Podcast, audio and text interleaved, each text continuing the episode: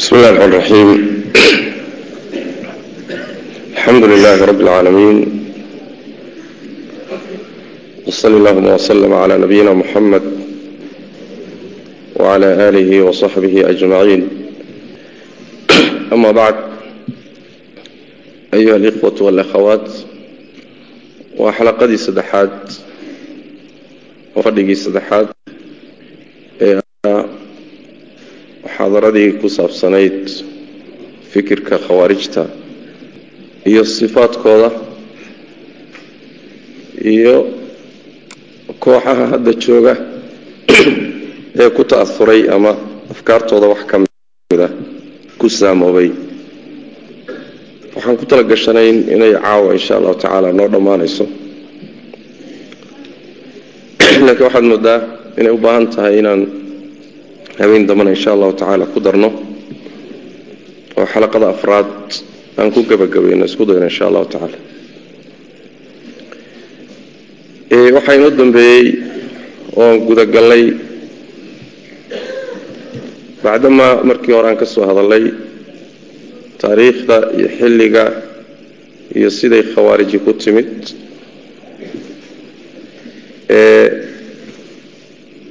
kadibna aan ka hadalnay aan gudagallay mabaadi'dooda iyo afkaartooda iyo usuushooda. Wax ka mida inaan tilmaanno sifaadkooda baan iyadana tilmaami doonaa. Waxaan xalay marka soo sheegnay laba arrimood oo muhima. Arrinta koowaad oo mabda-ooda asaasiga ah inay dadka muslimiinta ku gaalaysiiyaan. Waxaan gaalnimo keenaynin ama aan gaalnimoba ahayn sharciga miisaankiisa marka la saaro. Taasoo noqon karta dunuubta waaweyn aan gaalnimo gaadhsiisnayn. Waa sida jumhuurtoodu qabto iskumay waafaqsana baan nidhi. Ama noqon karaysa shay iska bannaan inay dad ku gaalaysiiyaan miisaanka shareecada ku bannaan ama noqon karaysa shay waajibaba shareecada waajib ku ah inay dadka ku gaalaysiiyaan. Ama noqon karta shay mustaxaboo sunna inay dad ku gaalaysiiyaan. Ama inay ku gaalaysiiyaan shay masaa'il ijtihaadiya ah oo culimmadu ku kala aragti badelan yihiin ijtihaadkeeduna uu saa'iq yahay. Intay ka gudbaan takhti'ada oy ka gudbaan tafsiiqa iyo tabdiica inay uga gudbaan takfiirka oy gaalaysiiyaan waxaa kaloo soo marnay oo qodobka labaad ahaa usuushoodana ka mid ah madaxda muslimiinta iyo dowladahooda waxay ku kaceen jawr iyo dulmi bay ku kaceen. Weli se aan diinta ka bixinoo jawrkooduusan diinta ka saarin. In ay ku kacaan oy ku baxaan oy la dagaalamaan oo ay qasaan oy bannaystaan inay dumiyaan oo burburiyaan. Isla qodobka waxaan doonayaa inaan ishaaro oo wax yar ka dabageeyo mas'aladaa ah alkhuruuj calaa a'immati aljawr waxay ahayd mas'alo khilaaf qadiima ka jiray cinda asalaf oo kacdoomadii dhacay xilligaa hore. Rag culimo ah baa ku jiray oo qaar ka mida ka qayb qaatay. Kuwii a'immatulajawrka lagula dagaalamay ama lagu kacsanaa halkaa marka waxay ahayd khilaaf qadiima masalada ku jira. Markii dambena sidaan ibnu taymiye ka guurinay dhibkii markii la ogaaday iyo fasaadkeeda iyo maslaxa inaysan ku jirin waxay ku sugnaatay ahlu sunnuhu inay isku waafaqeen in arrintaasi ayna bannaanayn. Kutubtooda caqiidadana saasay ku qoreen banne ayb hadal kaleetaan ka dabageynaya arrinta ayada ibnu xajar uu leeyahay caleyh raxmat ullah tarjamada alxasan ibnu saalix ibn xaj fii tahdiibi tahdiib tarjamadiisa markuu halkaa kaga hadlayay hadal buu keenay wuxuu yidhi waqowluhum kaana yara sayf culimada qaar baa waxay yidhaahdeen wuxuu ka mid ahaa dadkii jiray in madaxda seef in madaxda lagu kaco lala dagaalamo. Tiibuu marka fasiraya. Wuxuu yidhi yacni kaana yara alkhuruuja bisayfi cala a'immati ljawr waxay ka wadaan wuxuu arki jiro ictiqaadsanaa madaxda jawrka in lagula kaco seef oo lala dagaalamo. Wuxuu yidhi marka wahuwa madhabun lisalafi qadiim. Waa madhab salafka qaar ka mida ay qabeenoo horreeyey waa. Waqti hore la qabay oo rag qabay ay jireen ama sameeyey. Walaakin istaqara almru calaa tarki dalika laakiin markii dambe amru ahlusunna waljamaca wuxuu ku sugnaado isku raaceen arrintaa in laga tagoo la daayo. Lima ra'awhu qad afdaa lama ra'awhu qad afdaa ilaa ashadda minhu. Goormay arrinkaa qaateen. Markay arkeen kubixitaanka madaxdu inuu keenayo dhib ka badan dhibka iyaga lagu qabo. Arrintaa markay soo baxday ayay markaa kadib yuu sugnaaday buu leeyahay istaqara almru calaa tarki dalika markaasaa wuxuu yihi fa fii waqcati alxara wa waqcati bni alashcad wagayriha cidatun liman tadabbar. Dhacdooyinka ninkii akhriya kacdoon bay ahayd. Dhacdooyinka ninkii akhriya iyo mafaasida ka dhalatay ee dhibaatada ka timid wuxuu leeyahay waxa ugu sugan wax uu ku cibro qaato muhiimaddaydu marka waxa weeye inaan idhaahdo dadka qaarkood baa laga yaabaa inay yidhaahdaan masaladu marba hadday khilaaf salaf jiray khilaaf qadiim ah ijmaac ka damceey ka dambeeyaay ma rafcin karo. Saas daraaddeed masalada hadduu khilaaf ku jiro waa ku ijtihaadaynaa. Warkaasi waxaa ibtaalinaya khilaafku ama salaf ha ka yimaado ama khalaf ha ka yimaadee marba hadduu nas qaatica oo qaaticu dilaala wa qaaticu hubuut ah sugnaantiisuna go-an tahay. Dilaaladiisuna ay caddahay hadduu ka hor yimaado khilaafku walow bacdu a'immati salaf haba sameeyeen khilaafkaasi muctabar ma ah muctabar ma waxaan ka wadaa lagu dayan maayo laguna raaci maayo lana taqliidin maayo. Leesh lianna naska markaasi lagu camalfalaya axaadiis aada u fara badanoo xaddu tawaatur gaadhaysa ayuu nebigu ku reebay sal lla lay waslam a'immada jawrka in lagu kaco marka axaadiista rasuulilahi sal lay waslam iyo nusuuska nusuusta wixii khilaafa mujtahid hadduu yahayna ijtihaadkiisa uu muctabar yahay haddee muxuu ahay natiijadiisa annaga geli mayno ma tadliilinayno laakiin waxa weeyaan ictibaartooday lahayd waxaase la diidi in hadda la yidhaahdo waan ku dayanaynaayo khilaaf maadaama masaladu khilaafiya tahay dee waa ijtihaadiyo annaguna waxuu ahay salafkaasaanu ku raacaynaa. Arrintaasi arrin aan saxsanayn arrintaasi ma saxsana maadaama masalada nas ay leedahay cad. Ayib usuushooda waxaa ka mid ah iyo mabaadidooda waxaa ka mid ah khawaarijta. Istixlaalu dimaa'i اlmuslimiin almukhaalifiina lahum bita'wiilaatin faasida wاlkhuruuj cala jamacati اlmuslimiin wamucaamalatihim mucaamalaة اlkufaari fi اddaari wاlaxkaami wاlbaraa'i minhum wamtixaanihim wamtixaanihim waistixlaali dimaa'ihim waxaa ka mid a usuushooda inay dhiigga muslimiinta bannaystaan muslimiinta khilaafsan oo iyaga waxay wataan ku raaci waaye inay dhiiggooda bannaystaan. Ooy ku bannaystaan ta'wiilaad aan dawaabid sharciya lahaynoo faasid ah. Inay jamaacada muslimiinta iyo wadajarka muslimiinta ku baxaan. Inay muslimiinta ula mucaamaloodaan sidii mucaamalada gaalada oo kale. Oo dhulka muslimiintana ay dhul gaalo oo kale axkaamtiisa siiyaan caruurtoodiiyo dumarkoodiiyo guurkoodiiyo gowracoodiiyo axkaamta mucaamalaadkooda dhanna ay ka dhigaan mucaamalaad gaalo oo kale. Sida iyagoo gaalo la mucaamaloonaya.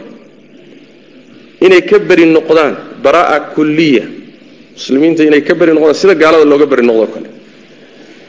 Inay dadka imtixaanaan oo ay mabaadidoodii iyo afkaartoodii ashkhaas ku imtixaanaan oo lagu yidhahdo hebel maxaad ka qabtaa? Hebel waxaasaan ka qabaa haddaad tidhaahdo khalaas waa miduu leeyahy shekhulislaam ibnu taymiya aleyh raxmat ullah imtixaanu nnaasi bilashkhaasi bidca inaad ruux intaad samaysato aad dadka tidhaahdo maxaad hebel ka qabtaa oo markuu ku yidhahdo waa khaldan yahayna aad qoorta ka goyso ama aad la colowdo arrintaasi waxa waa bidco ka soo jeeday meelahaas ayb inay dadka muslimiinta dhiiggooda bannaystaan khawaarijta noocyadeeda kala gedisan taqriiban way isla ogol yihiin. Dhiigga mukhaalifkoodu inuu bannaanya dhiigga mukhaalifkoodu waa bannaanya xadiiska nabigeena ku timi sal ly waslam inay muslimiinta laynayaan oo dhiiggooda bannaysanayaan oo xadiidka rasuulka sal lay slam waa kaan soo marnay xadiida cali wahayrihi yaqtuluuna ahla alislaami wayadacuuna ahla alawthaan dadka muslimiinta ah bay laynayaan gaalada iyo wathaniyiintana waa ka tegayaan waa inagii soo marnay markay dileen cabdullaahi ibnu khabaab ibnu arad nimankii mucaahadiinta ahaa oo gaalada ahaa.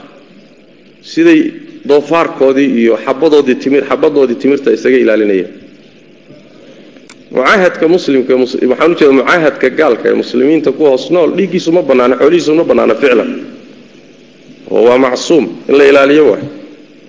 Laakiin macnaheedu waxa weeyaan gaalka iyo siday u ilaalinayaan dhiiggiisa iyo xoolihiisa iyo xuquuqdiisa si ku dhow ma ilaalinayaan muslimiintatooda muslimiintatooda waa hadow alimaamu shaatibi caleyh raxmatullah wuxuu yidhi khawaarijta markuu ka hadlayay wayajrii majraahum man salaka sabiilahum.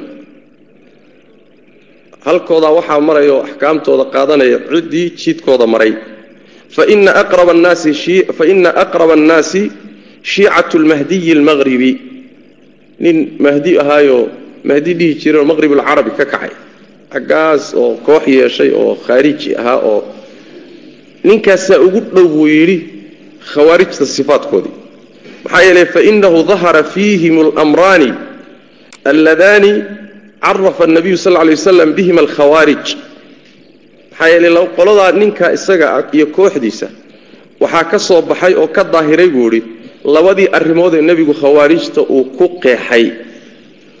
Laba arrimoodoo nebigu uu ku qeexay labadiiba way ka muuqdaan buuri oo maxay yahay? Min annahum yaqra'uuna alqur'aana laa yujaawisu xanaajirahum qur'aanka inay akhrinayaan laakiin uusan kalxamaha u dhaafaynoo ayna fahansanayn. Waa qodob wa annahum yaqtuluuna ahla alislaami wayadacuuna ahla alawthaan muslimiinta inay laynayaan gaaladana ka tegayaan labadii qodob ee nebigu khawaarijta ku sheegay labadiiba waa laga helay buuhi qoladan marka waxa weeye wuxuu ka wadaa bimacnaa sifada asaasigae axaadiista ku timid ee kale waxa weeye dhiigga muslimka in la bannaysto gaalaysiinta marka laga yimaado in dhiigga muslimka la bannaysto qodobada asaasiga waxaa ka mid a arrintaa iyadaa shawaahideeda iyo adiladeeda tatbiiqiyan waxay u fuliyeenoo ku dileen cuhmaan ibnu cafaan sooma ilan dilkiisii khawaarij baa qayb ka ahay.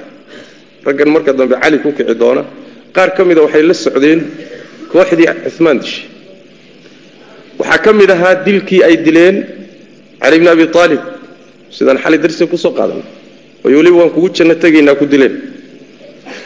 Fuqahaau saxaaba iyo akhyaartii iyo ahlu bader iyo ahlu baycati ridwaan iyo raggii nebigu jannada uga markhaati kacay oo u qiray raggaasay laynayaan.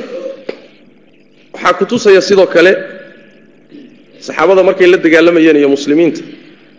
Saan u tegi doonna xataa iska dhaaf ragga dagaalamaya iska badaaya caruurtooda iyo dumarkooda xataa way laynayaan. Magaalay soo gelayaan sa waxba kaga tegi maayaan. Dumarka waxay doonaan bay kaxaysan addoommay ka dhiganayaan qaar way laynayaan qaar way kursanhayaan waa saas. Marka waxba uma turayaan.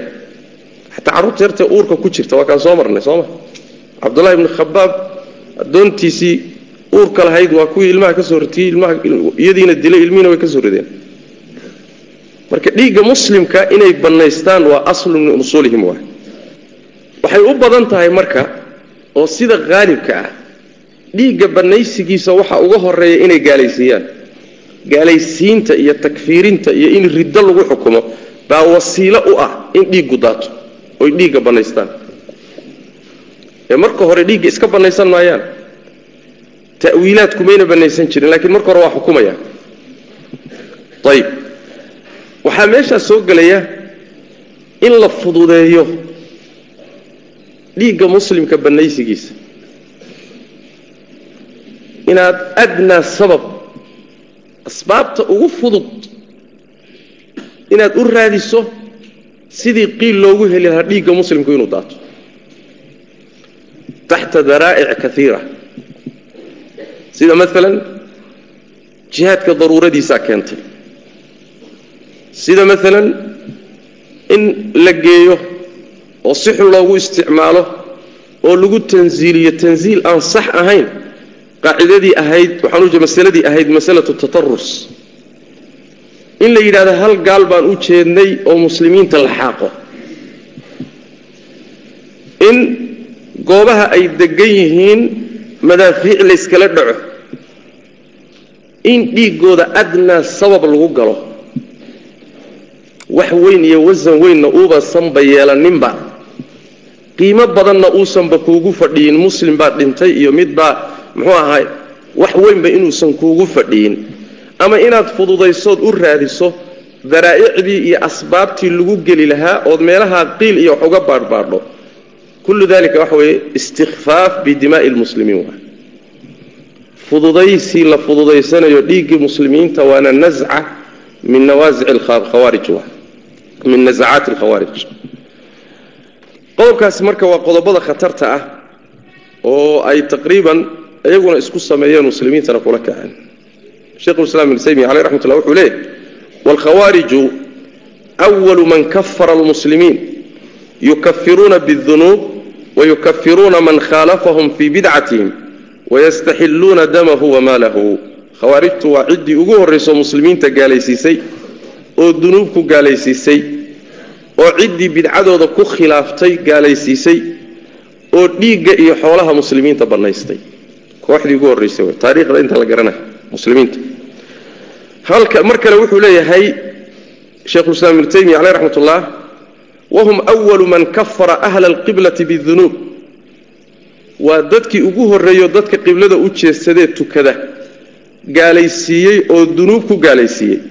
Bal bimaa yarawnahu hum min adunuub bal iskaba dhaaf dembi inay ku gaalaysiiyaane wax iyagu ay dembi u arkaan laakiin miisaanka sharciga aan dembi ahayn bay ku gaalaysiiyeen masalada ka soo hadlay yacni waxa weeyaan masaladu ma aha inay uun dunuubta keliyata wax ku gaalaysiiyeen oo ruuxii sinaysta waa gaal tuuggu waa gaal muxuu ahaaye khabriyacabku waa gaal ruuxii waxanta waa gaal ruuxii dagaal ka carara waa gaal kabaa'irta keliya ma ah ee wax aan diintaba xataa kabiiro ku ahayn laakiin ayagu ay moodayaan gaalnimo inay tahay bay dadka ku gaalaysiin jireen muslimiinta ku gaalaysiinaya ayib wuxuu yidhi wastaxalluu dimaaa ahli lqibla.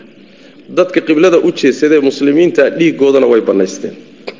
Ayib fududaysigaasi marka nasacaadkooday ka mid tahay kooxahan dagaalamana sifaadka runtii aad ay qaar badani ugu tilmaaman yihiin bay ka mid tahay. Markay afkaarta noocan oo kale aada u gasho simaadka lagu arkaa waxaa ka mid ah inuusan dhiigga muslimku qiimo badanba ku fadhiinba oo marmarka qaarkood bisabab oo biduuni sabab bidariica oo biduuni dariica in layska galo.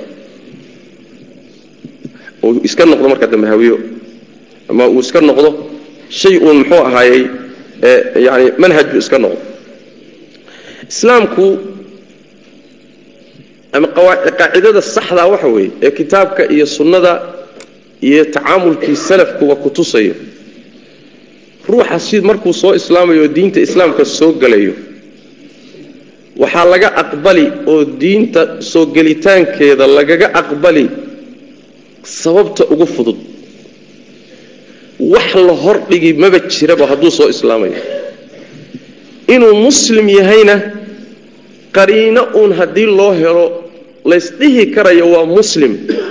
Qariinadaasi in lagu badbaadiyo waay qariina un haddii la heli kara xataa.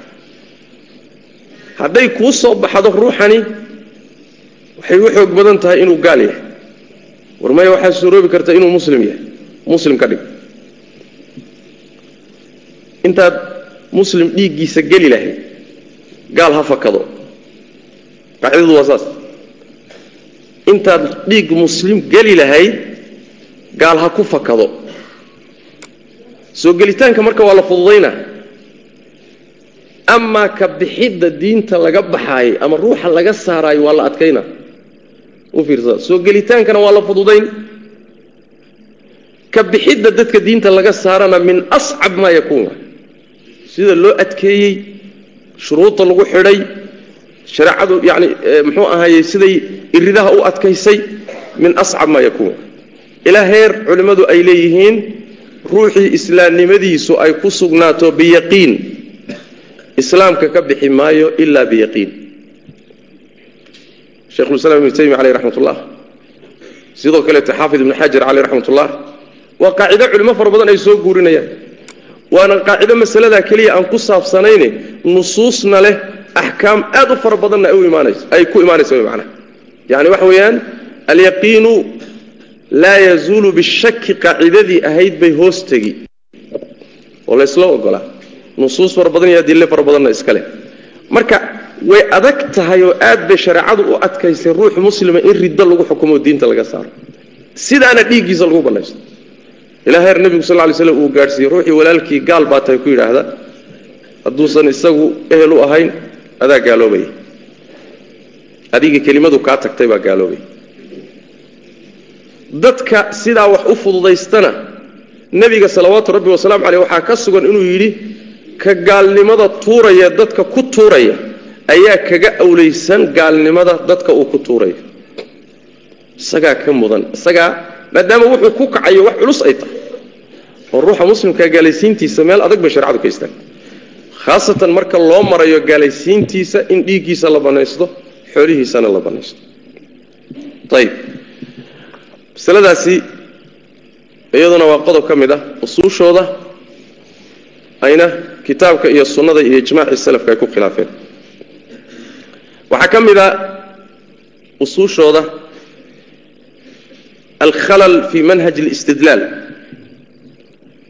manhajkooda ay wax u deliishadaan. Khalal baa ku jira. Dhinacyo dhowra waa kaga jira. Waa marka koowaadee saan u tegi doonno adilada horta qur'aanka mooye sunnada wax yar bay ka qaataan. Waa u tegi doonnaa qodob inoo soo socda waa. Midda labaade. Qur'aanka waxay ka qaataan mas'alada nusuusta ku soo aroortay qaar bay qaataan qaarna way ka tagaan. Waxay qaataan adilada ku soo aroortay waciidka goodiga hanjabaadka axkaamta adag taasunbay la ordaan. Nusuustii dhanka kale ku soo aroortay oo wacdiga iyo yabooha iyo naxariista barbisay waasic u tahay iyo dadka in loo dembi dhaafi iyo naxariist yacni nusuustii wacdiga ayaga uma taallo. Ama qur'aan ha noqoto ama xadiis ha noqoto. Soo ma? Waxay uun kala baxeen nusuusta intii uun ay islahaayeen uun qaradkiinnan iyo hawadiinnan iyo adeegiinnanay u adeegaysaa markaasay nusuusul waciid qaadeen. Sidaas daraaddeed baa iyagiiyo muctasilada waxaa laysku dhahaa alwaciidiya alwaciidiya haddaad maqasho waa muctasilada iyo khawaarijta. Liannahum akhaduu nusuusa alwaciid wa tarakuu nusuusa alwacdi. Ahlu sunna waljamacana maxay yihiin?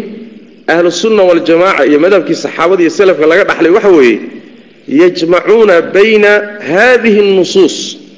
Nusuustaasoo dhan bay isu keenayaan fayastakhrijuuna alxukma min majmuuci hadihi nusuus xukumka waxay kala soo baxayaan nusuustaasoo dhanoo wada joogta tan waciidka ee hanjabaadda fiiri tan wacdiga fiiri wixii baa laysu uruurin halkaasaa marka natiijada lagala soo baxaya marka waa khalal fii manhaj listidlaal khalal fii manhaj listidlaal ku jira waxaa ka mid a khalalka isaga ah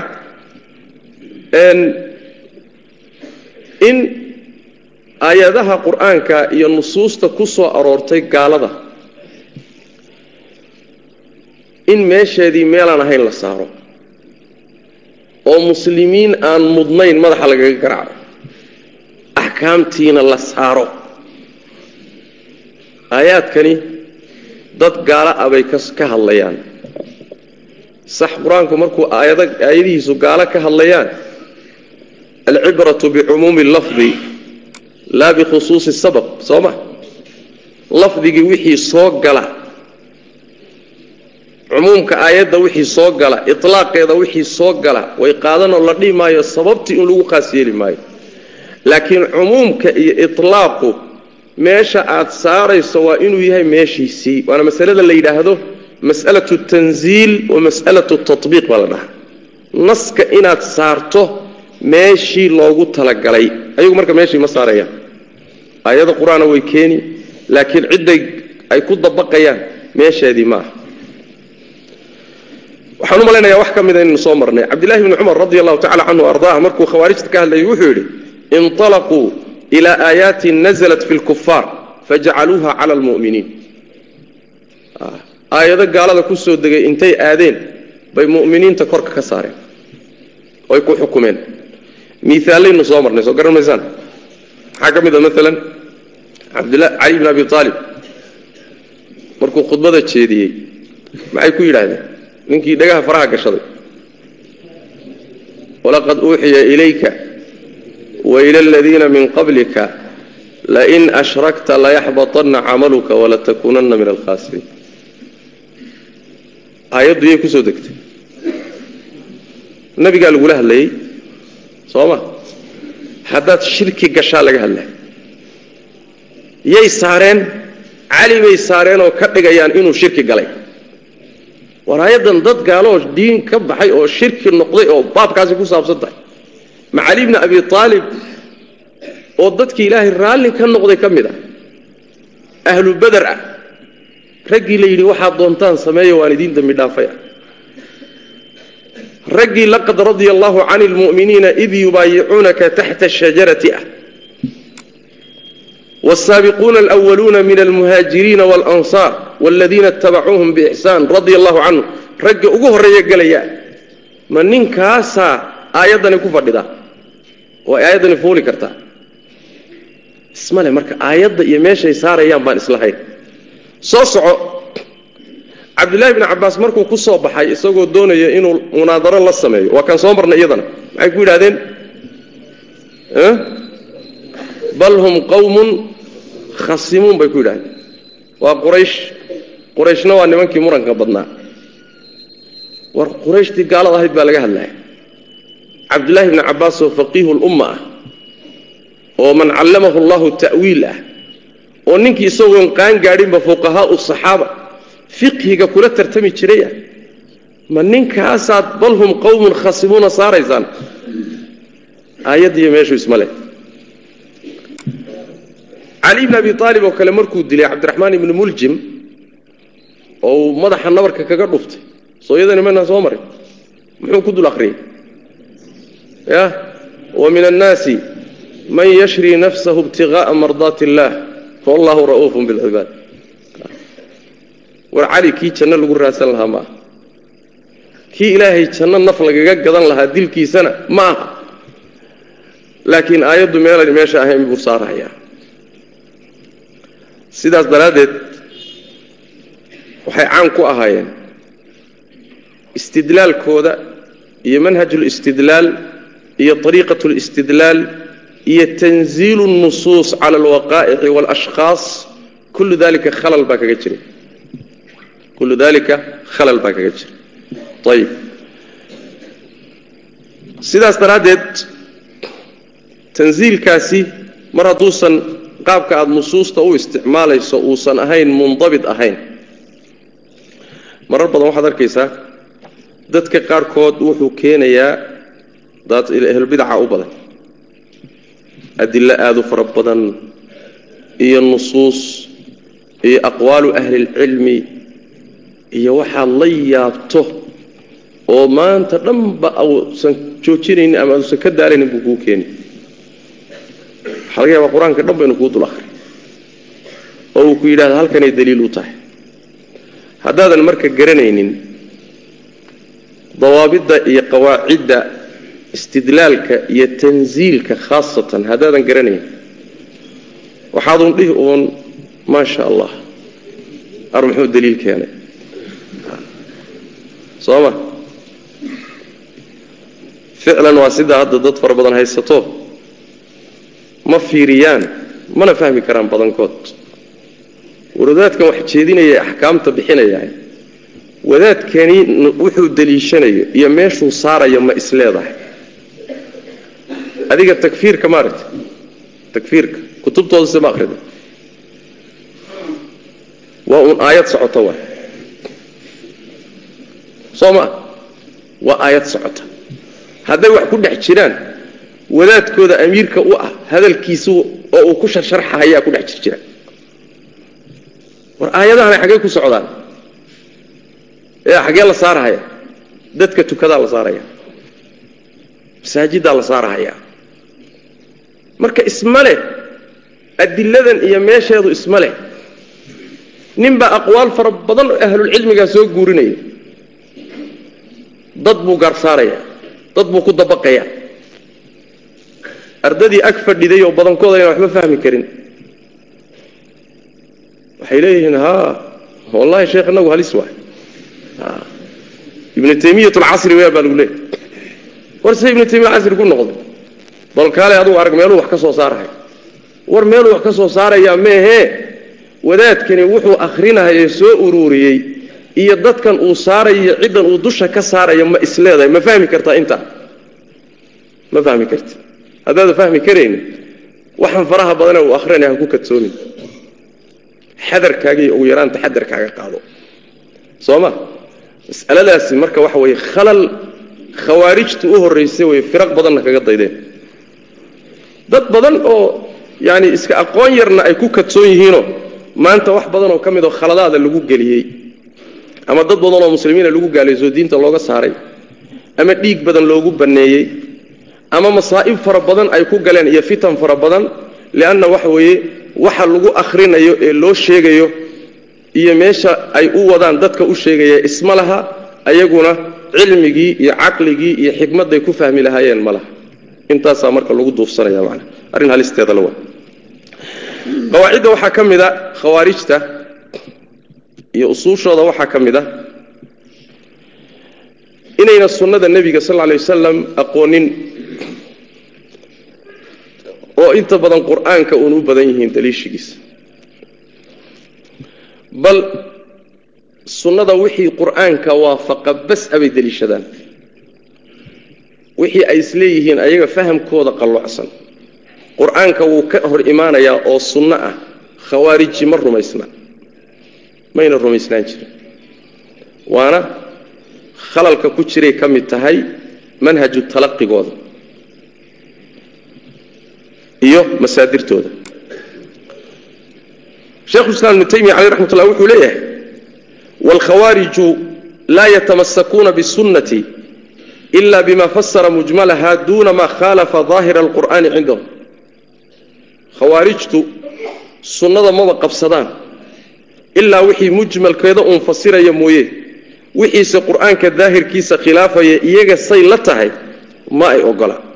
Sidaa daraaddeed falaa yarjumuuna azani walaa yarawna lisariqati nisaaban.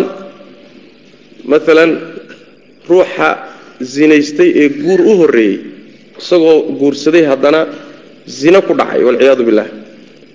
Ruuxaasi sunnadu waxay tidhi iyo xadiiska nebigu dhagaxa lagu dilo soo maa qur'aanku miyuu sheegay? Qur'aan horoo la nasakhay baa jiray. Laakiin kitaabka qur'aanka aayad ku taalloo haddaa saa dhahaysa ma jirto. Xadiiska nebigaa sheegay. Khawaariji waxay tidhi maadaama ayna qur'aanka ku oolin kuma jirno.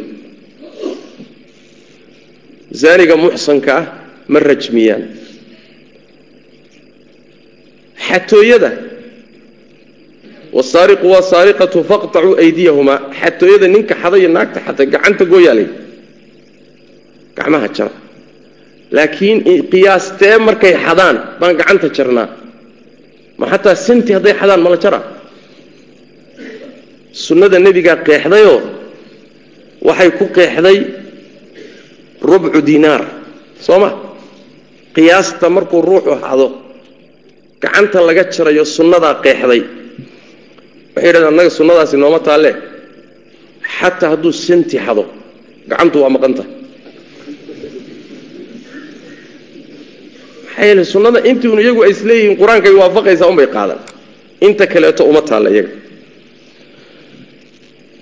Waxaa laga yaabaa buu le ibnu taymiya inay dhahaan waxiinaidin faqad yaquuluuna laysa fi lqur'aani qatlu lmurtad waxaa laga yaabaa inay yidhaahdaan murtadka diinta ka baxay in la dilaayey qur'aanka kuma taallo oo markaa murtadku inuu agtooda laba nooc ka noqdaa dhici karta. Ilan murtadka ha la dilo diinta ka baxay. Sunnada nebigaa tidhi soo ma? Qur'aanku wuxuu yidhi un diinta yaan laga bixin.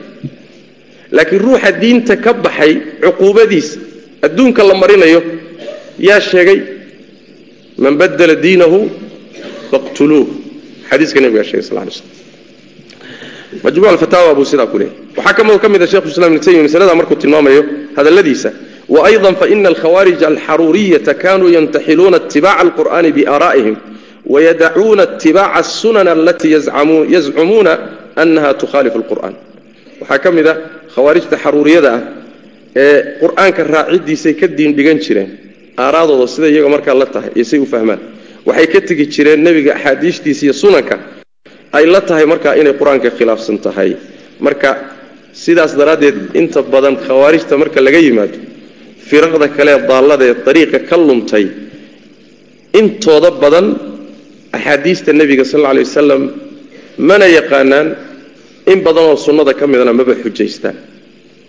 Sida maalan muctasilada iyo wixii ku ta'auray axaadiiul aaxaad xujo ma aha bay dheheen waana axaadiista nebigu intay u badan tahayba firaqda kale xataa ka dambaysay ama ka horraysay aqoonta xadiisku waa ku yaryahay saas daraaddeed waa ku yani culimada sunnadu yidhi cumar ibn war malaynaya mise cumar bin cabdilcasiis buu ahaa inuu hama xusuusta wuxuu ku yidhi sunnada kula dooda.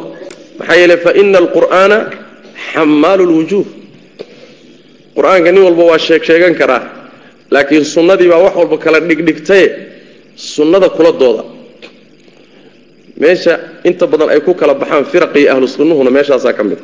A ahlu sunnuhu axaadiista nebiga iyo naqliga iyo aharka iyo maxaa la soo guuriyey iyo nebigu muxuu yidhi iyo saxaabadu maxay dhaheen iyo maxaa taabiciintii laga soo guuriyey halkaasay wax ka raadiyaan. Qoladan kaleete firaqaana inta badan waxay u noqdaan hawadooda iyo waxay caqliyaadka yidhaahdaan. Caqliga waxaa ila quman waxay ila tahay falsafada sidaa ma aha. War xadiis baa yaalla meesha. Maya maya warkoodu halkaas masdaru talaqigaasaa lagu kala leexanayaaba asal ahaanba waxaa ka mid a khawaarijta usuushooda ama sifaadkoodaba kaa doonta ka dhig waxaa ka mid ah tadliilu اlculamaa wa tadliilu fuqahaaءi اlumma wاlاstihzaaء bihim wa tasliiط اljuhaali calayhim waاstixlaali dimaa'ihim culimmada oo baadi lagu xukumo. Ummadda fuqahadeeda iyo raasikiinta cilmiga oo lagu jeesjeeso ummadda lagu diro la tuhmo dadka wax magaradka ee jahalada ah da'yarteen aqoonta lahayn oo lagu sallido. La yidhaahdo waa faasiqiin gaalay u shaqeeyaan waa jaajuusiin waa fulayo waxba ma garanayaan. Xaydka iyo iyo kaadida unbay axkaamteeda yaqaanaan. Siyaasadda ma yaqaanaan. Waaqaca waa ka dhacsan yihiin. Ilaa heer. La yidhaahdo abwaabta qaarkeed waxba kamay ogaba. Maxay jihaad ka ogyihiin maxay jihaad ka ogyihiin ilaa heer la yidhaahdo laaya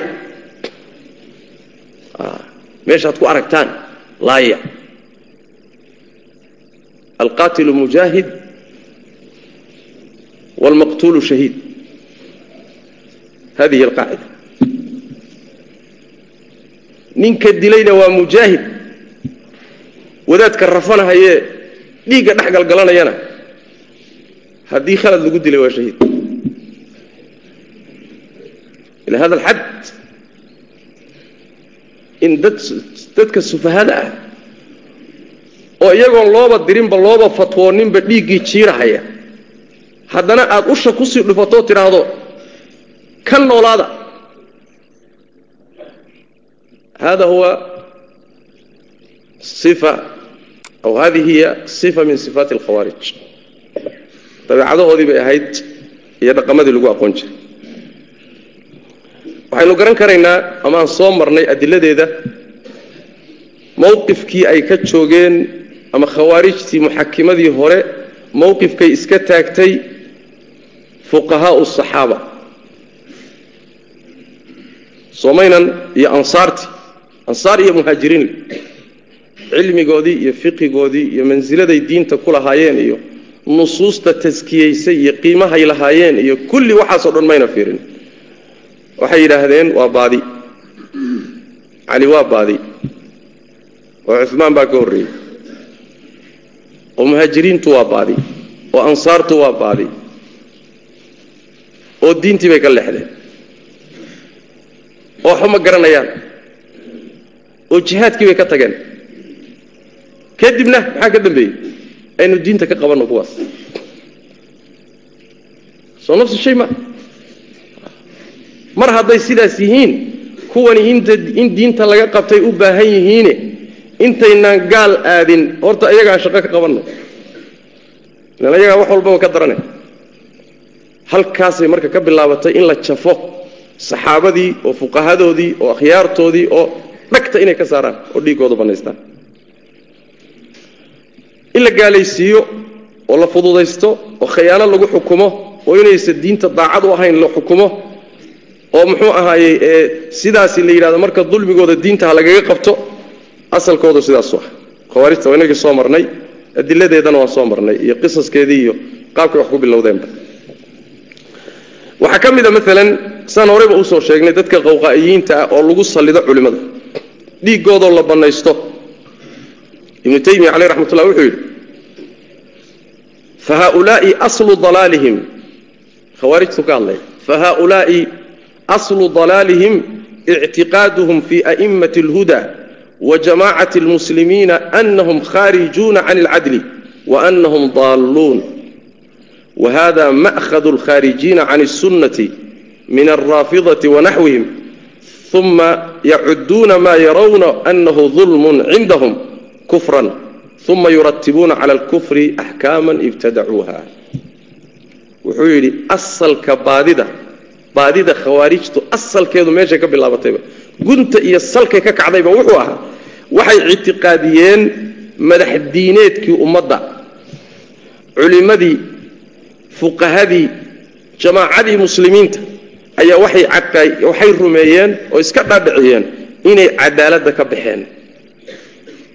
Lunsan yihiinna. Waa lunsan yihiin jidkiina waa ka leexdeen wuxuu yidhi meesha ay ka soo baxday weeye kuwa sunnada nebiga ka leexday oo raafidada iyo khawaarijta ah meeshaa weeye meesha dhibkooduba ka dhashayba kadibna waxay u arkaan inuu dulmi yahay bay haddana kufri ka sii dhigayaan. Haddana kufrigiibay waxay ka sii ratibayaan axkaam kaleetoy been abuurteen oo iyagu ay bilowdeen oo bidca. Halkaasaaba balaayadu ka bilaabatay balaaya waxay ka bilaabataa culimmadoo la xaqiro. Balaayo waxay ka bilaabataa culimmadoo lagu sallido dadka. Balaayo waxay ka bilaabataa fuqahada iyo dadka diinta xambaarsan inaad ku jees-jeesto ood u aragto dadaan qiimo lahayn. Oo kadibna aad dhiiggooda bannaysatood wasankooda meesha ka saarto. Waa aslun min usuulihim waay. Sheikhulislaam ibnu taymiya caleyh raxmat sidoo kale wuxuu leeyahy faina tasliiط aljuhaal clى takfiiri culamaءi اlmuslimiin min acdam اlmunkaraat wainama aslu hada min alkhawaarij wاlrawaafid aladiina yukafiruuna a'imaة اlmuslimiin lima yactaqiduuna anahum akhطأuu fiih min addiin wuxuu leeyahay dadka wax magaradka ah oo lagu sallido culimmada gaalaysiintooda munkar la galo iyo dembi la galo kuwa ugu waaweyn bay ka mid tahay. Asalkeeduna waxay ka timid buu leeyahy khawaarijta iyo rawaafidda kuwaas oo muslimiinta madaxdooda diineed iyo culimmadooda gaalaysiiyey. Waxay markaa iyagu u rumaysnaayeen inay ku gafeen oo diinka ka mid waxay iyaga markaa la ahayd inay ku gafsan yihiin. Ma aha inay gafeen. Xaqiiqadu mayna gafina way saxsanaayeen.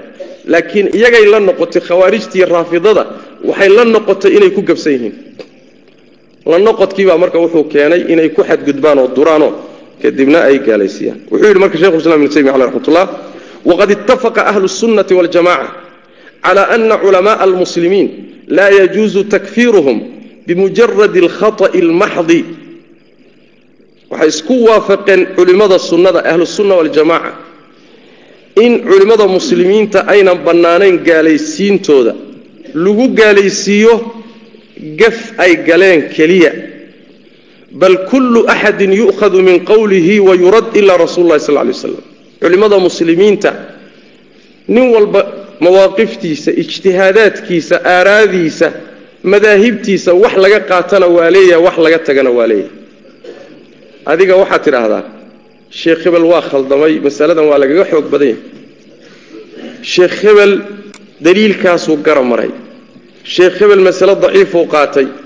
Sheekh hebel masalada meeshuu mariyey waa laga xoog badan yahay. Laakiin khata'a iyo gafka ninka caalimka ah mar walba kama laasimto inuu lunsan yahay. Bal iskaba dhaafee inuu dembaabay kama laasimto gaalaysiin warkeeda iskaba dhiga bal sida saxiixa waxa weeye in gafka khata'a. Ninka caalimka ijtihaadaya in laga laasimiyo inuu gafa gafkaasi dembi ka dhalanayo waa min usuuli lmuctasila atalaasum bayna alkhata'i waalimi waa min usuuli almuctasila madaba ahlusunnana waxa weeye khata'a mar buusan xataa uusan dembiba ka dhalaninba mar dembi baa ka dhasha. Mar tafsiiq iyo tabdiic baa ka yimaada mar takfiir buu noqdaa oo kufri baa ka imaada. Saasaa loo kala qaadi. Laakiin ninka caalimka ee mujtahidka ah khai'iisu waxa weeyaan waxaa la leeyahay uun adeerka daliilkii waad khilaaftay oo qaadan mayno ra'yigaaga. Waad waafaqday oo kaagaa xoog badan oo waanu qaadan amaa intaa wixii ka siyaadsan in la gaalaysiiyo ama lagu xadgudbo maya markaasuu wuxuu keenay shekhuislam ibn taymiya wuxuu yidhi walaysa kullu man yutraku bacdu kalaamihi likhaطa'in akhta'ahu yukafar walaa yufasaq bal walaa ya'ham maxaa yeele faina allaha tacala qaala fi ducaaءi اlmu'miniin rabbana laa tu'aakhidna in nasiina aw akhta'na ilaahu ha noo qabanin haddii aanu halmaanno ama aanu gafnoon ismoodsiinno saxiixa waxaa ku yimid waa saxiixu muslime inuu rabbi ducada muslimiinta ka aqbalay oo yidhi qad facaltu waan idinka yeelay. Wixii marka khata' ku yimaado nin caalimoo ijtihaaday nin culimoo ismoodsiiyo masale si ka noqotay in la yidhaahdo adeer waad gaalowday. Arrintaa iyadii iyaduna ma aha manhajkii ahlusunna waljamaca waa khaldanta. Ayb saas daraaddeed culimmada oo la tacniyo ama la duro ama la gaalaysiiyo ama hadaf laga dhigto ama dadka lagu sallido ama dhiiggooda la bannayso ama lagu jeesjeeso arrintaasi nasacaadka iyo sifaadkii khawaarijta weeye waa in laga digtoonaado. Maxaa yeelay dhibaatada ka dhalan kartaa aada u ballaaran. Duridda culimmada waxaa ka dhalan karta sharcigiioo la duray. Maxaa le iyagii baa xambaarsan. Markaad ayagii aad yacni waxa way aada wasakhayso. Waxay xambaarsan yihiin see loo qaadani. Soo dadku ka tegi maayaan. Waxaa ka dhalanaya inaan cilmigoodii lagu intifaacin. Oo in badanoo wax magarada ay yidhahdaan soo kii la gaalaysiiyey ma. Warda gaalaysiintu ma bay ahayd. Soo kii uu hebel wax ka sheegay ma. Warde ma saxsan waayaha waa la sheegsheegahay inbuu kaga bixi. Adeerkaas waxba ka qaadan mayno websaytyadaa lagu qoray waayaha waryaha baasoo ku qoray. Tala allah. Danba kama leh. Musiibo weyn wey marka waa musiibo weyn. Waxay dan u tahay duridda iyo wax ka sheegidda iyo dhaleecaynta iyo ku jeesjeeska culimmada muslimiinta dan uma ahe cadowga muslimiintay dan u tahay. Mukhaad ninkii ogna oo lagu shaqaysanayana uu fulinayo. Ninkii muqafal ahoo isagu iska niyad fiican oo iska xamaasaysan laakiin ogaan la'aan uu ugu dhacayo arrin khatar ah oo mukhaad ah oo lisaalixi lkufaar waay cadowga muslimka iyo diinta islaamka cadowgiisa bay dan u tahay. Hal su'aala isweydii haddii culimmada ummadda inta la jarxiyo oo afka lagu qalo oo la gaalaysiiyo oo ummadda laga reebo bilaahi calaykum yaa lagu bedelaya bal adigu su'aashaa isweydiiye yaa booskooda la geynayaa oo ummadda bosishinkaa u istaagaya. Soo arrin halisa maa waxaasoo dhan baa ka dhalan. Intaad majaalista culimmada marka lagu cunayo fadhiisato qosol oo marxabee hawlkuu taalla wa ya ilaa heer waxay marayaan dhallinyarada qaar ka mid a ay yidhaahdaan kibaaru culamaa'i sunna ha laysku qarxiyo. Majlis majaalista ka mid a oo ay rag fadhiyeen baa waxaa la keenay masalada ee muxuu ahaayey waa magaalada nairobi iyo muxuu ahaay dhallinyaradeedana xoogaa iska xamaasaysa. Waxaa la keenay masalada ah ruuxa isqarxiyey gaalo isku qarxiyey ma muntaxir naftiisa dilayba mise waa shahiid? Masaladii haddii la keenay nin baa wuxuu keenay. Ra'yiga sheekh ibnu cuthaymiin caleyh raxmat ullah oo wuxuu ku tegoo qabay in uu yahay ruux isdilay masaladu waa masale khilaafiya. Laakiin ra'yigaasuu sheekhu qabay. Nin baa marka ra'yigii sheekha keeno wuxuu yidhi sheekh ibnu cuthaymiin baa sidan yidhi mid meesha fadhiyaa wuxuu yidhi isaga laftiisaa laysku qarxin lahaa. Isaga laftiisaa laysku qarxin lahaa. Meeshay wax marayaan waa halkaa. Masaladu masale sahlan maaha ciyaarna maaha. Ciyaar maaha. Inxiraafku meeshuu marayo waa meel malaha xataa waayahanba inuusan gaadhinba. Marka marka laga hadlayo arrimaha noocan oo kale ah dad badan baa waxay u haystaan inay tahay war dadka maxaa loo faduulinahaya oo loo maagmaagahaya dadka maxaa loo maagmaagahaya war dadku hadday culimmadii maagaan oy ummaddii dhiiggeeda bannaystaan oy cirdigeeda bannaystaan oyna waxba u hambaynin ha la daayo sax maaha. Diin baa dumi oo ummad baa dumi oo aakharaa dumi oo halis baa la geli sidaas daraaddeed waa in arrinta noocaasoo kalea laga hortago kii ku khaldamayna ha ka toobadkeena haddii ilaahay toobad waafajiyo ummadda inta kalena waa in la yidhaha war iska jira. Meeshaas waa dab lagu daadanahaye iska jira.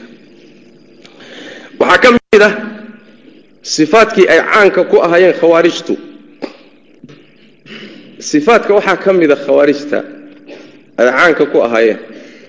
Waxa la yidhaahdo alcujbu wاlguruuru wاltacaalum cala اlculamaa wاltacaalum wاltacaali cala اlculamaa xatى zacmuu anahum aclam min fuqahaaءi الصaxaabة kacaliyin wabni cabaasin wagayrihim waxaa ka mid ahaa usuushooda inay iscajabiyeen waxaan dhihi jiraa sifaadkooda inay iscajabiyaan ooy culimo iska dhigaan oy culimmada iska sarraysiiyaan oo ay sheegtaan culimmada raasiqiinta iyo fuqahadii saxaabada iyo nin walba iyo kuwa hadda joogaba inay iyagu ka aqoon badan yihiin. Saan soo sheegnay. Bal inay rumaysnaayeen inay ka diin roon yihiin. Waxaan ayaga ahaynna inuusan daacad ahayn ikhlaas ahayn. Diinta inuusan daacad u ahayn. Diinta inuusan u shaqaynaynin. Diinta inuusan nafta u huraynin waxaan ayaga ahayni inuu khaldan yahay. Waa masalada la yidhaahdo cujbiga iyo quruurka. Caan bay ku ahayd sifaadkooda waay waxaa inoogu filan masalada iyadaa daliil.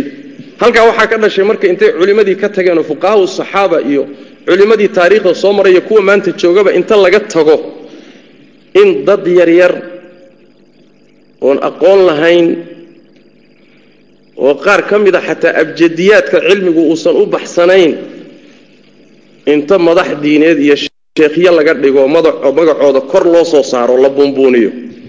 In la yidhaahdo marka annaga kuwaasaa shuyuukhno ah. Haaulaai culamaauna wa shuyuukhuna. War heedhehede midkaad adigu soo saarata ma ahee? Ninka culimmada ah inuu culimo noqdo culimonimadu loo ictiraafo see lagu gartaa. Ma urur baa soo saarto oo intuu muxuu ahaayey miis ku soo istaajiyo ama telefishinka hor keena yidhahdo war ninkani waa sheekh hala raaco. Mise masaladu si kaley ku timaadaa culimmadu. Marka quruurka iyo iscajabintu waa sifaadkooday ka mid tahay.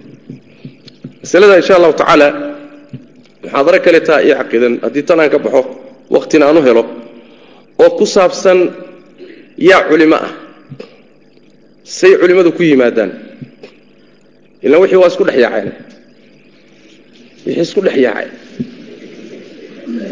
soo ma? Waaba la kala garan la'yahayba arrintii isku dhex yaacday. Ninkii maalin meel ku yara qorqora ama kitaab wax ka soo yara guurguuriya ama laba beri telefishinka lagu arkaba waxaa leeya wallahi waa sheekhiba ama waxoogaa wax isku yara hagaajin karoo muxaadaro xamaasaysan jeedin kara. Khalaas waa sheekh hebel baa la leeyahy maalinta dambena nawaasisha ugu daranee ummadda haysatuu fatwo ka bixinaya maalinta dambena waa ra'si buu noqonaya min ru'uusi ilcilmi oo la taabacsan yahay. Way qasantay marka masaa'ibta waaweyne muslimiintaas intay ka mid tahay. Masalada insha allahu tacala haddii ilaah ii qadaro mar kaleetaan jeclahay inaan aan ka hadlo haddii alle nimankaa marka musiibada ku dhacday cudurka quruurka ku dhacay isla weynanka daliilkiisu waxa weeye xadiidkaynu soo marnay baad garanaysaan dulkhuwaysira soo garan nabiga muxuu ku yidhi ittaqi illaaha ya muxamed icdil fa innaka lam tacdil ninka isu haysta inuu nebi maxamedba ka quman yahay ka war adiga maxaa kalood ka sugi nebi maxamedow waad khaldantay annagaa kaa quman sida aniga la tahay baa kaa quruxsan ya ma ninkaasaa cid kale u daahi iscajabin waay anas ibnu maalik radi allahu tacaala canhu waxaa ka sugan waxaa la ii sheegay buu yidhi oo nabiga wuxuu nabiga ka warinaya sal lay slam inuu nebigu yidhi yakhruju fiikum aw yakunu fiikum qawmun yatacabaduun waxaa dhexdiinna imaan doona soo bixi doona. Dad aada u cibaadaysanayo cibaado badan. Dad cibaado badan oo aada u cibaadaysanaya. O wayatadayanuun wayatadayanuun wa fii riwaayatin wayad'abuun cibaadadana aada u daa'imaya. Oo cibaadadoodu aad u badan taha imaan doona wuxuu nebigu sal lay slam xataa yucjibuukum wa tucjibuhum anfusuhum yamruquuna min addiini kamaa yamruqu sahmu min aramiy idinka markaad aragtaan say u dhaqmayaan iyo cibaadadoodii iyo acmaashooda iyo way idin cajabin. Warsoon badanaa salaad badanaa oo geesisanaa oo jihaadka oo acmaasha oo qur'aan akhris badanaa way idin cajabin. Ayaguna naftooda way cajabin buu nabig sal lay waslam dadku uunma cajabinaya iyaga laftooda waa iscajabinahayaan waa isu bogayaan oo yaa inaga quman yaa inaga muxuu ahay inaga inaga toosan yaa inaga caqiido fiican yaa inaga aqoon badan ya ya ya markaasay ku tagtay. Xadiiskaasi diintay ka baxayaan buu nabig sal lay wasalam sida leebku uga baxo meesha lagu tuuray. Waa khawaarijtii waa. Waxaa soo saaray xadiidka axmed ibn abi caasim fi sunna. Sheekh albani baa saxiixiyey sidoo kale waxaa saxiixinaya sheekh muqbil milhaadi calaa sharti shaykhayn abu yacla baa soo saaray sheekh albanina sanadkiisa calaa sharti muslim buu ku saxiixinaya. Waa sanadka abu yacla baan ka hadlay. Aarkana sidoo kale kutusaya aarkan baa kutusaya khawaarijta iyo say isula qumanaayeen. Nin la yidhaahdo saciid ibnu jamhaan. Sida kitaabka saasay ugu qoranta. Wuxuu yidhi kunaa nuqaatilu lkhawaarija wahum min dalika ashad wanaxnu min hada ashad khawaarij baan la dagaalamaynay buuri wediga webiga dhanka kale ka joogan annaguna dhankana ka joognay buuri fatanaadaynaa fanaadaynaa dheh nin marka ninka cabdullaahi bni abi awfa saxaabiga la yidhaahdo nin uu addoon u ahaan jiray ayaa xagga khawaarijta ku jira oo sayidkiisii uu yahay cabdullahi bni abi awfa. Ninkii baan u dhawaaqnay buu yidhi abu fayruus baa la dhaha abaa fayruus hee buu yidhi. Haadaa mawlaaka cabdullaahi bni abi awfa. Kani waa sayidkaagii cabdullaahi bni abi awfa oo nala socda. Markaasaa wuxuu yidhi nacam. Wuxuu yidhi nicma arajul low haajara. Alla muxuu nin fiican yahay buui hadduuse soo hijroon lahaa xaggee buu hijroona. Ya. Khawaarijtu uu soo hijroona. Cabdullahi bni abi awfa wuxuu yidhi marka raggii buu weydiinaya wuxuu yidhi maa yaquulu caduwullah. War cadowga ilaahay muxuu sheegayaa muxuu yidhi waxay dhaheen wuxuu yidhi nicma arajulu low haajar. Alla muxuu fiican yahay hadduu soo hijroon lahaa. Markaasaa wuxuu yidhi hijratun bacda hijratii maca rasuuli illahi sal alla alay wasalam ma markaa nebi maxamed la soo hijrooday? Ayaa hijro taa ka dambaysaan khawaariju hijrooni. Ya ninkan waa muhaajiri waay ma hijradii nebi maxamed kadib baan khawaarij hijroon.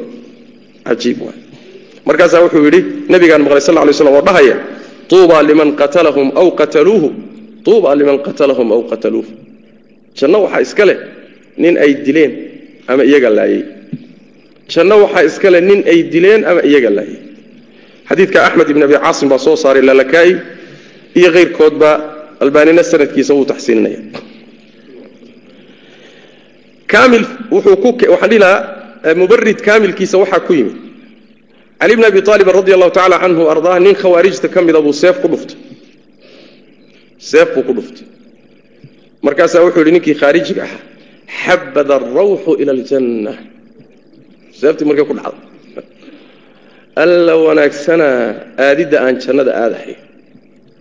War jannada aadi maxay tahy jannadii xataa waa isu hayaan. Nimankan meeshuu quruurka iyo cujbigu ka gaadhsiiyey jannadoodu waa meel ool garanti waay hadal ma leh.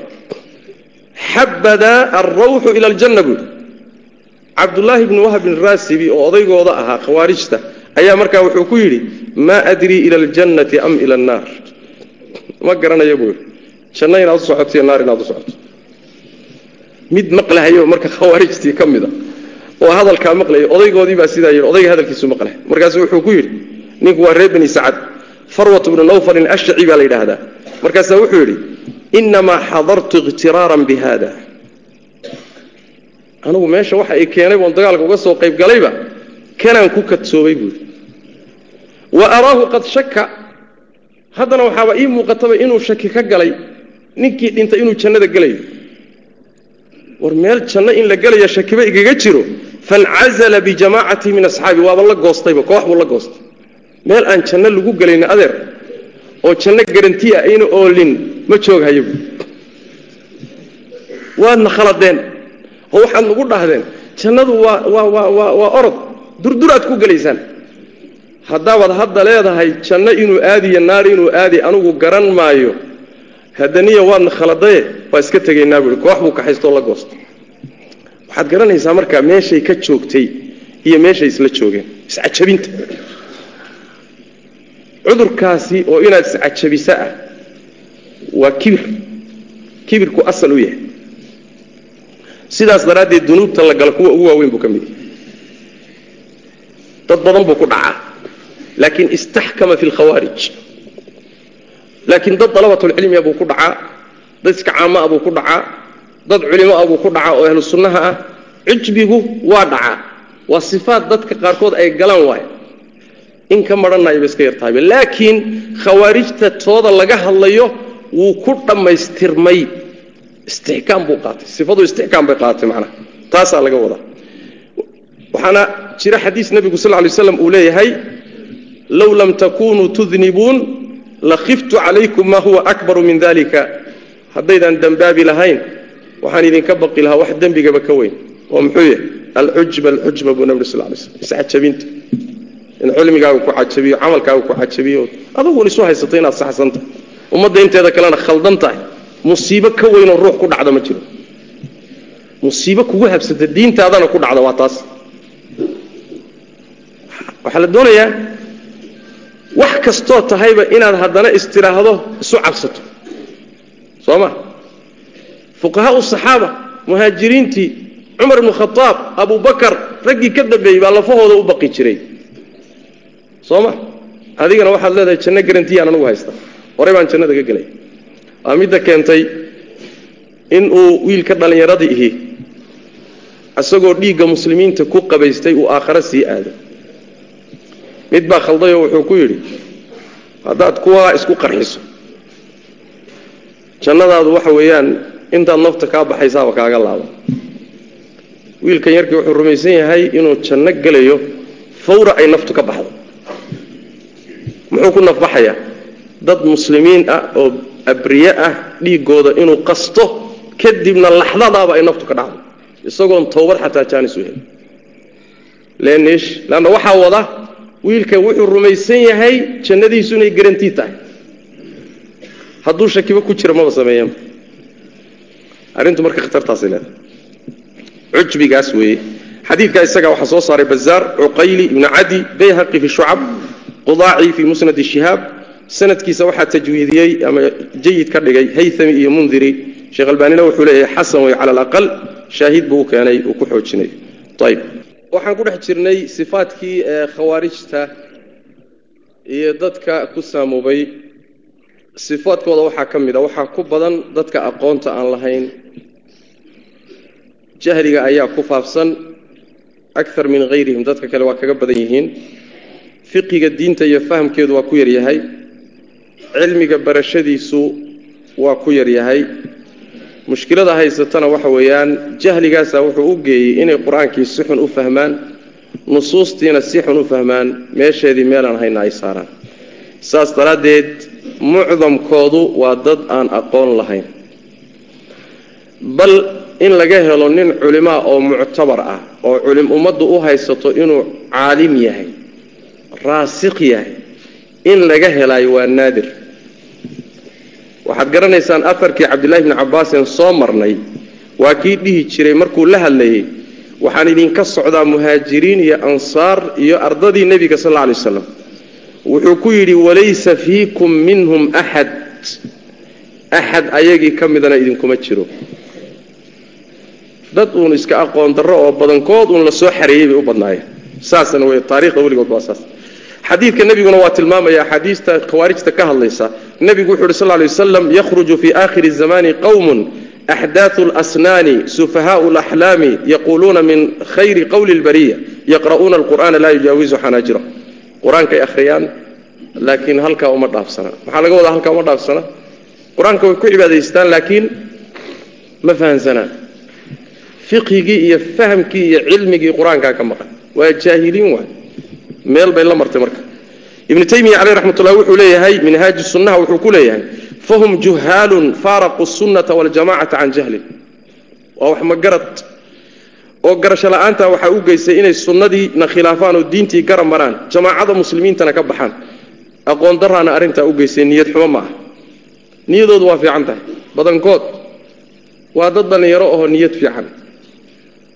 Qasadkoodu ma xuma saas daraaddeed inta badan xagga qasadka loogama imaanin. Qasadkoodu diinta hagaajiya oo diinta u nusreeya oo diinta u gargaara oo meel gaadhsiiya oo cadowga ka qabta oo kanay leeyihi laakiin niyadda wanaagsan keligeed kuguma filla. Soo saas ma. Ikhlaas iyo maxaa loo baahan yahay? Iyo itibaac labadaasi haddaynan iswadanin.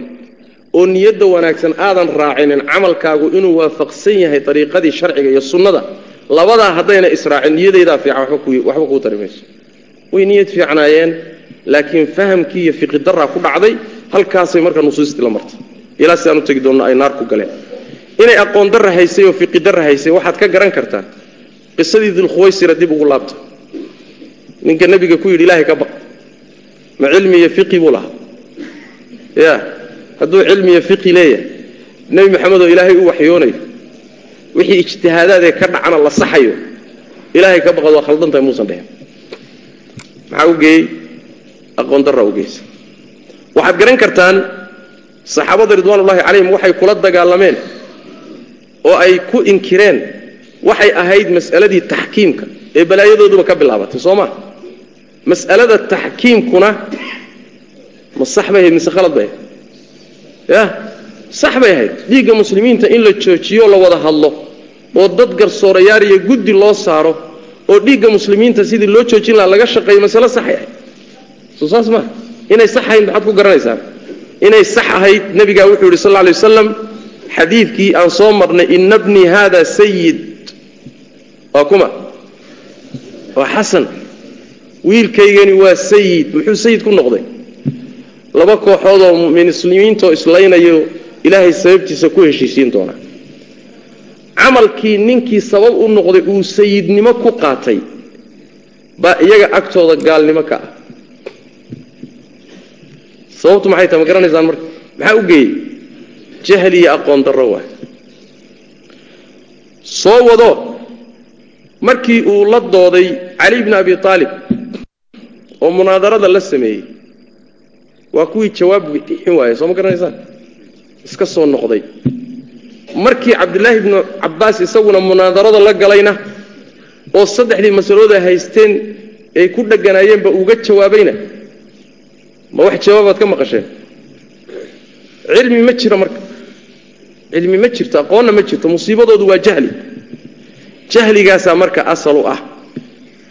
Faham xumo ay qur'aanka fahmeen faham xun ay fahmeen baa looga yimi. Sida uu leeyahay sheikhulislaam ibnu taymiya caleyh raxmat ullah inama hiya min suuءi fahmihim lilqur'an lam yaqsiduu mucaaradatahu laakiin fahimuu minhu ma lam yadulla calayh fadannuu anahu yuujibu takfiira arbaabi dunuub qur'aanku si xun u fahmeen baa xaggaasaa laga soo galay laakiin qur'aanka ka hortaga oo diida oo radiya ma ahayn qasadkoodu laakiin si xun bay u fahmeen fahamkii xumaabaa marka khaladkoodu ka yimi ibnu xajar caleyh raxmatullah isaguna macno noocaasoo kale u ley wuxuu le khawaarijtu markay xukumeen cidda ay iskhilaafsan yihiin ay gaalo yihiin oo dhiiggooda bannaysteen ahlu dimahna ay ka tageen warkaasuu u soo waday wuxuu yidhi yani wahadihi kulluhu min aahaari cibaadati aljuhaal aladiina lam tansharix suduuruhum binuuri اlcilm walam yatabasakuu bixablin wahiiqin minhu wakafaa ana ra'sahum radda calى rasuli lah sl ly slm amrahu wanasabahu ila اljawr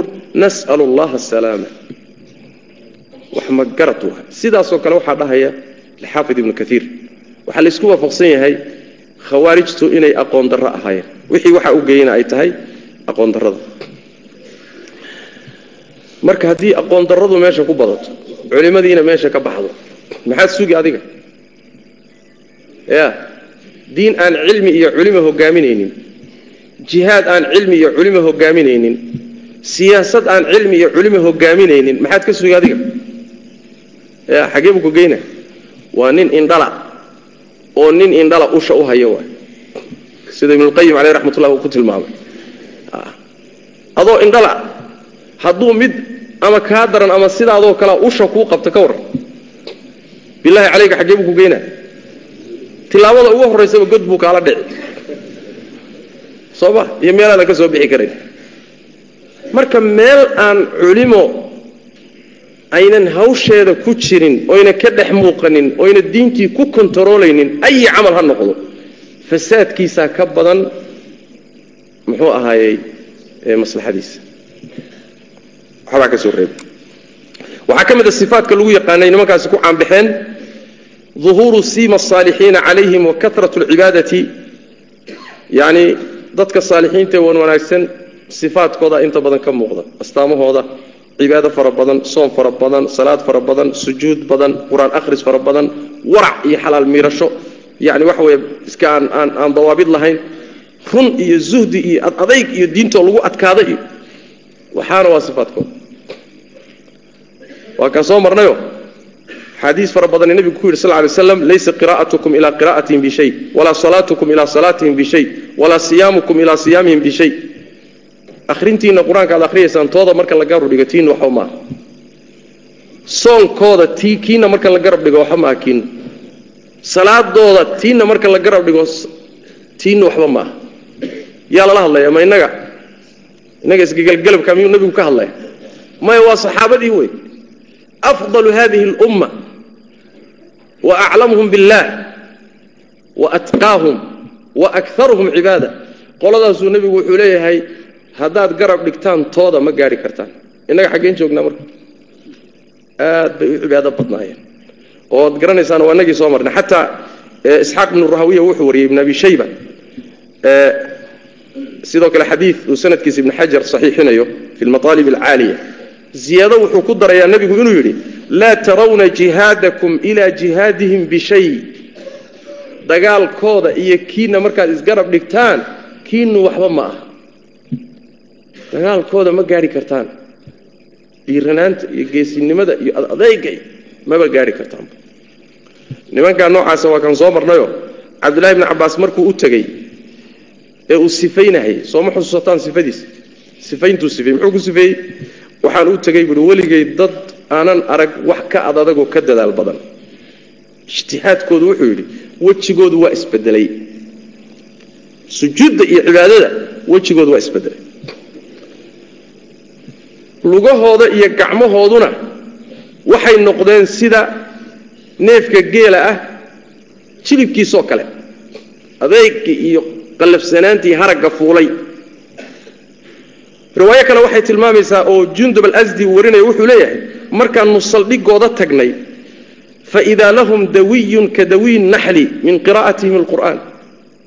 Markaannu meeshii saldhigoodii tagnay oon ku dhowaanay qur'aanka ay akhrinayaan hugunka ka baxaya buu leeyahy aada shinni degtay adu ma taqaana masaajidkeenna marka salaada subax laga baxo dadku qur'aanka akhrinayaan xaggaasoo kale markaad istaagto waxaa ka baxaya hugun war meesha ka guuxay nimankani marka mucaskarkiiyo saldhigga dhan waa wax qur'aan akhrinaya w qur'aan baa isku dhacay say qur'aanka u akhrinayaan war nimanka salaaxaasi iyo daahirkaasi waa ka muuqda. Laakiin musiibadu xaggey kaga dhacday waynu soo sheegnay sooma khawaarijta ijtihaadkooda iyo cibaadadooda saxaabadu ma aynan gaari karaynin. Daahirka marka la fiiriyo nabiga xadiistay ku caddahay ibnu taymiya istiqaamadu hadalkaa ku leeyahay. Sidaas daraaddeed waxaase meesha taalla. Salaada iyo soonka iyo cibaadada faraha badane maxay u anfici weyde ya waxaan u tegi doonnaa inay naarta eydooda yihiin. Waxaynu tegi doonnaa inay khalqiga ilaahay ugu shar badan yihiin. Dhulka korkiisa dad lagu laayo inay iyagu ugu mudan yihiin. Waxaan u tegi doonnaa ciddii laysa inay janno ku gele iyaguna naar gelayaan salaadan iyo soonkan iyo cibaadaadkan iyo war waxani xaggey mareen. Soo wixii uun janno lagu geli lahaa maa bal su'aashaa isweydiin xaggee wax ka hallaabeen waxay wax ka hallaabeen manhajkaa ka khaldamay haddii dariiqu kaa khaldamo oo usuushu kaa khaldanto oo manhajku kaa khaldamona wax badanood samaynayso naar baad ku geli. Waxaan ka wadaa sabab u noqon maayo inaad naarta ka badbaado dhegaysta wax badan u qabanin. Xadiid waxaa jira abubakar uu warinayo wuxuu leeyahay nabiga sal lay waslam wuxuu soo maray nin sujuudsan nebiguna markaa salaaddu u sii socdaa. Salaaddii markuu nebigu dhammaystay sal lay waslam oo uu salaaddii ka soo noqday ninkiioo sujuudsan buu u yimid sidii u sujuudsan. Nebigu waa istaagay sal lay waslam markaasuu wuxuu yidhi man yaqtulu haada warkan yaa dila saxaabadiisii waa markuu sii marayoo masaajidka u socdayna wuu sujuudsanaa markuu soo noqdo salaaddii soo dhammeeyna weli sujuuddii buu ku jira nebigu wuxuu yidhi war yaa kan kan yaa khaarijiyoo dila nin baa istaagay markaasuu dhudhummada faytay gacantuu faytay gufayday waa isdiyaariyey seeftiibu galka kala baxay wuu ruxay ku dhufuu is yidhi naftaa siin weyday war ma nin sujuudsan. Saxaabada ridwaan ullaahi calayhim dhiigga say isaga ilaalin jireen u fiirso. Masalada fiqigeeda u fiirso. Nin nebigu amray dila oo uu diyaargaroobay oo xilka la wareegay oo seeftii la baxay ayuu markuu seeftii qaaday buu war min nin sujuudsan baa dili. Waa ka soo booday markaasuu wuxuu yidhi yaa nabiy allah biabii anta waummii kayfa aqtulu rajulan saajidan yashhadu an laa ilaaha ila allah waannaka muxammadun cabduhu rasuuluh rasuul ilaahay seen u dilaa nin sujuudsan oo qiraya cid xaq lagu caabuday inaysan jirin alla mooye adiguna inaad muxamed rasuulka ilaahay inaad tahay qiraya. Shahaadateynka qiraya haddana sujuudsan seen ku dilaa nabigu wuxuu yidhi sal lay slam iska fadhiiso.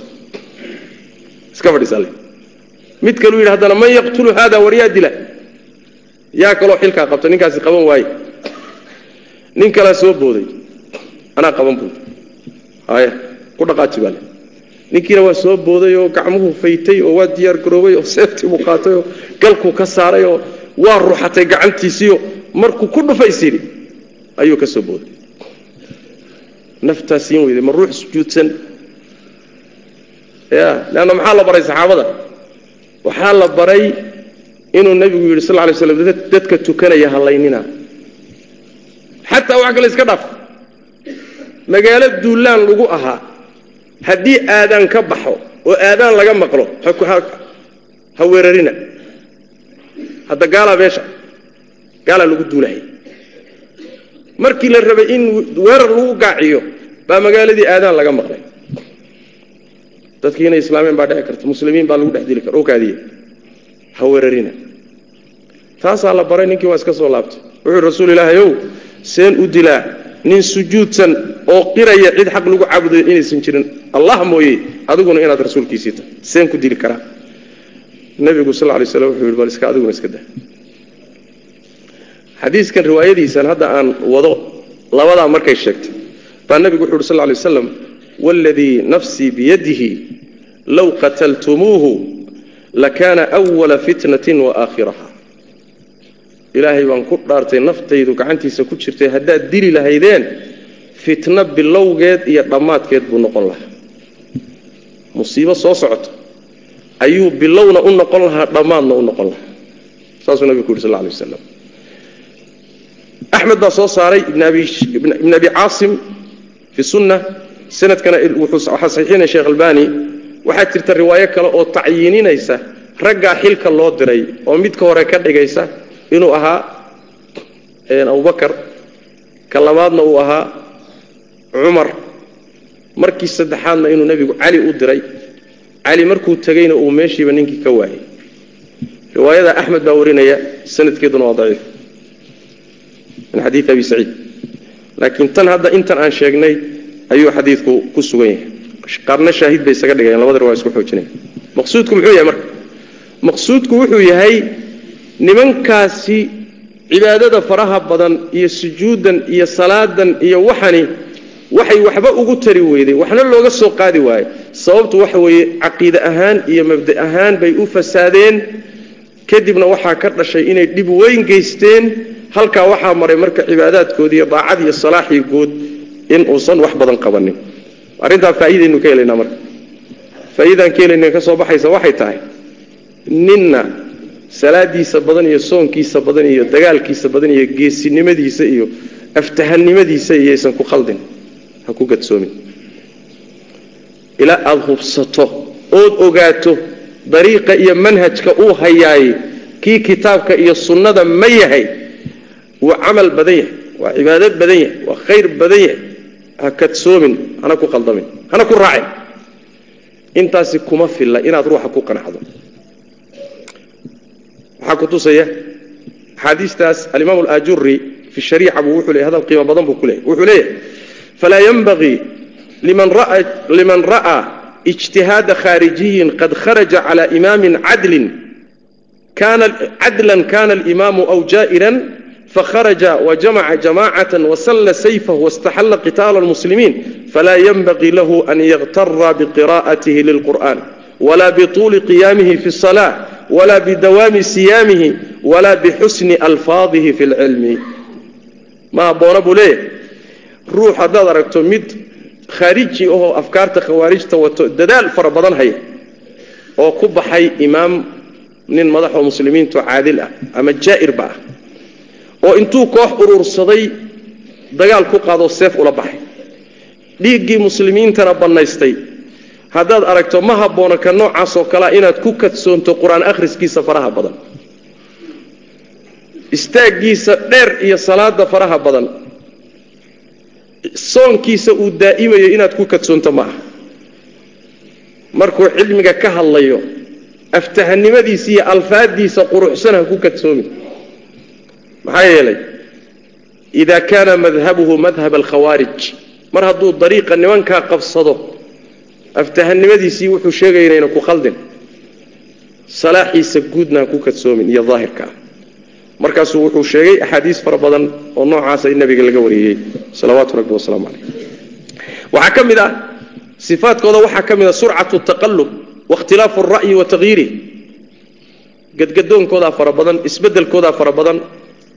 Maalin meel bay joogaan meel kale haddana joogaan ilaa wixii waa xamaas aan cilmi iyo fiqi ku salaysnayn sidaas daraaddeed waxaa badan iyaga laftoodu inay iskhilaafaan oo isku dhacaan inay kooxo kala noqdaan. Markay kooxo noqdaanna labadii shalay wada socotay baa isgaalaysiinayso dhiiggooda banaysanaysa. Saas way macnaa ma aha uun iyaga gaala inay uun dadkaa khilaafsanayo muslimiinta uun ku salidan yihiin xataa iyagaa kala jabi. Ilan madhabkana fikirkana wuxuu yahay fikir aan aqbali karaynin in la khilaafo mar hadduusan aqbali karaynin in la khilaafo iyadoo la khilaafsan yahay la wada joogo. Wuxuu leeyahay ninkii iskhilaafay waa gaal. Oo hadduu shalay kaa tirsanaana xataa hadduu iga tirsanaa maalinku iga tago waa gaal. Dhiiggiisuna waa bannaanya madhabkoodu saasu ah way kala jabeen. Maalan haddaan tusaalayaal ka bixinno nimankii hore muxakimada ahaa ee cali la dagaalamay markay kala carareen oo wakhti joogeen. Waxaa soo baxay niman la yidhaahdo azariqa oo naafic ibn alasraq nin la yidhaahdo uu samaystay oo beeco la galay. Khawaarijta marka laysku daro kooxahooda waxay ahayd kooxdii ugu tiro badnayd uguna xoog badnayd taarikhda soo martay azaariqada wa nimankaasi waxay khilaafeen khawaarijta inteedii kale. Maxay ku khilaafeen mataqaanaa masaa'il markaad fiiriso aada la yaabiba ilan fiqi ma jireen raggii shalay ay safka ku wada jireenoo wada dagaalamayeen isku kooxda ahaayeen maanta koox kaley ka samaysteen. Ayib maxay kaga baxeen? Waxay kaga baxeen? Waxay yidhaahdeen ninkiina khilaafa oo ummadda ka mida waa mushrik. Qoladii horena waxay qabeen war waa kaafire mushrik maaha waa kaafir baad leedihin soo maa ee mushrik ma qabtaan? Idinkaaba mushrikiina. Ayib masalo labaad. Waxaa jira niman la yidhahdo alqacada. Alqacada waxa la yidhahdaa waa khawaarijta aan bixin oon dagaalamin oon furinta tegin laakiin magaalooyinka iska joogto afkaartii qabta. Qacaddaa la yidhahda waa nimanka dagaal ka fadhiistay. Qaacidiinta wa nimankaa qacadadee dagaalka aan aadinna way isku khilaafeen. Oo qoladii hore waxay qabeen qaar ka mid a war nimankaasi fikirkeenna maadaama ay qabaan iyaynaan gaalaysiinin. Naafic ibnu asraq wuxuu yidhi ninkii aan dagaalka imaanin oo khaarijiyo magaalada ku hadhaay waa mushrik. Dagaalka soo gal. Soo hijrood. Haddaad soo hijroon weydo mushrik baa tahay qoladii horey isku khilaafeen wuxuu yidhi haddaabaad ila qaadan weydaanna idinkaaba mushrikiina.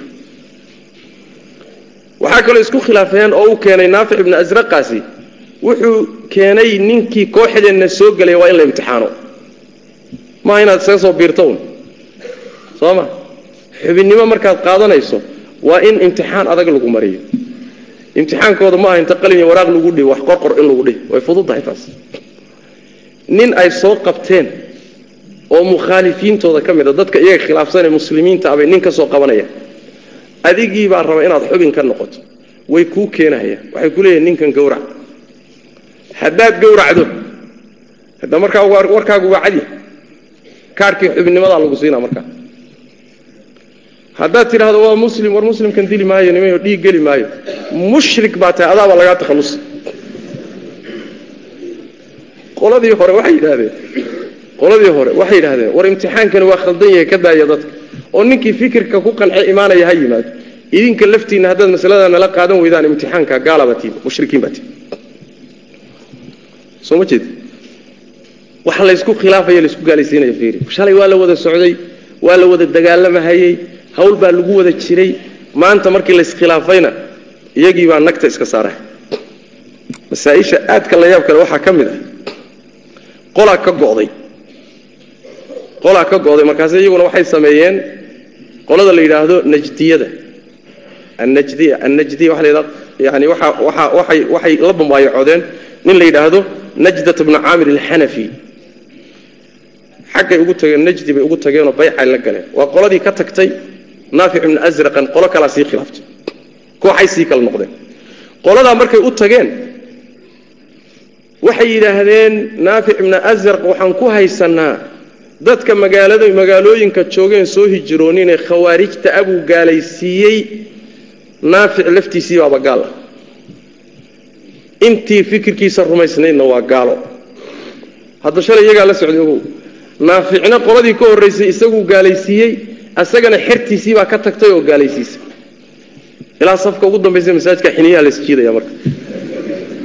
War aduu kala baxa. Wax kala baxaya ma ah. Wax kala baxaya. Ninba ninkuu khilaafo waana gaalaysiinaya dhiiggiisana waa banaysanaya waxyaalahay ku qabsadeen waxaa ka mid a oo ay ku inkireen. Isagii markay u tageen masaladaasaa ka mid ah waxay yidhaahdeen ninkii yidhahda naafic ibnu asraq waa imaam beecadiisuna waa saxsantaha waa ninkii hore ogow waaba gaal isaguna. Arrimo fara badan ayay sidaa ku sameeyeen. Kadibna qolaa najdadii taa lafteeda qolaa iyagana ka sii go'day. Saddex qolay sii kala noqdeen. Odaygoodiibay haddana qabsadeenoo waxay yidhaahdeen isaga laftiisii baaba gaaloobay. War maxaad igu gaalayseen? Waxaad gaal ku tahay labadii ciidanoo midna badda marayoo badda ku duulay midna berriga marayoo ku duulay ayaad ciidankii berrigaad waxsiintii u badisay. Kii baddana wixii baad ku yaraysay gaal baaba tahay.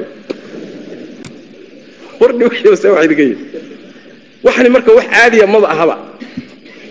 Mar alla markay sii kala jabaanba labadii wada socotay baa iyaguna isa sii gaalaysiinaya waxaa ka mid a waxyaalahay ku gaalaysiiyeen. Dagaaladii ay ku jireen qaar ka mid a waxay ku soo qabsadeen gabadh ka mida cumaan ibnu cafaan ku abtirsata ayay ku soo qabteen. Ninka la yidhahda cabdilmelik ibnu marwan. Baa marka waa waa boqorkii muslimiinta. Wuu la soo xidhiiro wuxu war gabadhaasi niyo iisoo daa najdow gabadhaasi iisoo daa. Wuu yeelay oo gabadhii qolyihii saaxiibadii isagoo kala tashanin buu gabadhii sii daayey ma gabadh aan qabsannoon cadowga ka qabsannaad cadowga nagi u celisa gaal baaba tahayba waa cumaan ibnu cafaan gabdhihiisii wa. Ka tarmay. Waxaa ka sii daran najda wuxuu keenay wuxuu yidhi ninkii ijtihaadoo khaldama oo ijtihaadkiisa ku khaldama gaalaysiin maayo jahli baan ugu cudurdaari calaa tafsiilin fii dalik ma nin gaaloobay baad jahli ugu cudurdaari? Oo waa jaahiloo aqoon daraanan u gaalaysiinin baad dhihi adaaba gaal aduu fiirso waa silsilad marka aan dhammaanayno. Haddaadun qisadooda akhridaan qosolkan baa kaa dhammaan war dadkani bini aadamkani say ahayen way sii socotayoo qolo la yidhaahdo safriya ka sii kocdayoo atbaac ziyaad nin la yidhahdo ziyaad ibnu asfar oo iyaguna sii qaybsamay baa jiro is sii gaalaysiiyey. Waxaasoo dhan marka muxuu ku imaanaya? Wuxuu ku imaanayaa jahliga quluwiga iyo xadgudubka cujbiga iyo iscajabinta ruuxa ku khilaafsanoo aadan wasanba u samayn oo ictibaar aadan siinin jadalka iyo dooda fara badanoo diin laga dhigto. Cilmi inaan la dalbin la fadhiisanin la raadinin kullu dalika asbaabteeda wa ruuxu markuu dood diin ka dhigto shaki male inuu lumayo. Maa dalla qawmun bacda hudan kanuu calayhi ilaa uutuu ljadal xadiikii waxa weyaan axmed iyo tirmidi ay soo saareen min xadiii iyo ibn maaja weliba min xadiii abi umaama ee sheekh albani taxsiininay ma jiro dad lumoo dariiqa ka lumo hanuun kadib luma ilaa hadday dhacdo waxaa la siiyaa dood dood baa looga dhigaa risiq looga dhiga cumar bn cabdilcasiis sidoo kale waxaa ka sugan inuu yidhi man jacala diinahu haradan lilkhusuumaat akara tanaqul ruuxii diintiisa uga dhiga hadaf dooda iyo muranka wuxuu badiyaa yani guurguuridda maalinba inuu meel tago. Limaada leanna diintiisu usus kuma salaysne maalinba ninkii muran badan baa ka haysta soo ma maalinta sheekhiisii wuu ku qanacsanaa midbay ishelayaan wuu ka afbadinahayaa wuu ka raynahayaa wuxuu le l kaa reeyey baa sax wuu raacay. Maalinta dambe kiibaa ku kale ku soo baxaya ka aftahansan. Kiibaa dhulka lagu jiidahaya wuxuu le l kanaa saxsan. Maalinba ninkii uun ninkii uun reeya oo aftahanimo iyo reemagaalnimo iyo laalaab ku reeya kaasuu isagu raacay marka akara tanaqul maalinba meel buu yaalla waxaasoo dhan waxaa keenaya haddaad hadda maanta sifaadkaa fiirsataan bal u fiirsada. Sifaadka haddaad fiirsataan waa u tegoonaa tatbiiqaadka darsigeenna habeen dambe insha allahu tacala baan wax badan ku soo qaadi doonaa. Laakiin waxaan doonayaa ruuxa muslimka intuu qaato sifaadka noocaasa isagoon loo turjumin inuu isagu waaqica la aado. Caalamka markaad maanta u fiirsato kooxahan dagaalama. Si guud markaad u fiirsato waan kala qaadi doonaa insha allahu tacaala. Laakiin qaybo badan oo afkaartani wax kaga ta'auray khawaarij way dhihi tegi doona waan ka hadli doonaa. Laakiin wax ka mida kaga ta'auray sifada ah in intay kala jabaan haddana isgaalaysiiyaan haddana dhiiggooda bannaystaan waa sifa baarisa waay. Soo ma? Labadii shalay safka ku wada jiray ee cadowgooda la wada dagaalamahaya yaad maanta arkaysaa inay dhiiggoodii xalaashadeen oo iscunayaan kuwii kooxdii iyada ahayd haddana koox kalaa ka sii gu'i kooxdii dambe haddana tii kale hilfaha u qaadi oo dhiiggooda banaysa. War see wax idinka yihi waaba saaba waa silsiladaas waay inta badanna waa kooxaha afkaarta noocan oo kalea wax kaga saamoobay waay ma aha dadka gaalada la dagaalamoo dhan maaha insha allahu tacaala tansiilkeeda darsigeenna habeen dambaan insha allahu tacala ka dhiganayna wakhtigoo inugu dhammaaday daraaddeed. Ayaan rajaynaya insha allahu tacala inaan halkaas ku gabagabeeyo xalqadii saddexaad xalqada afraad oo noqon doonta insha allahu tacaala habeen dambe ayaan ku dhammaystiri doonaa macluumaadka yarka inoo laaban. Tusaalayaashana aan ku bixin doonaa sida ay ila tahay firaqa maanta jooga yaa ku saamoobay yaa khawaarij rasmiya la dhihi karaa yaase wax ka mida cabbay caanihii iyo biyihii iyo naaskii nuugay khawaarijta wax ka mida oo la baxay. Waan tilmaami doonaa insha allahu tacala wabilahi towfiiq wsal allahuma wslm ala nabiyina mxamed wala ali sabi wslm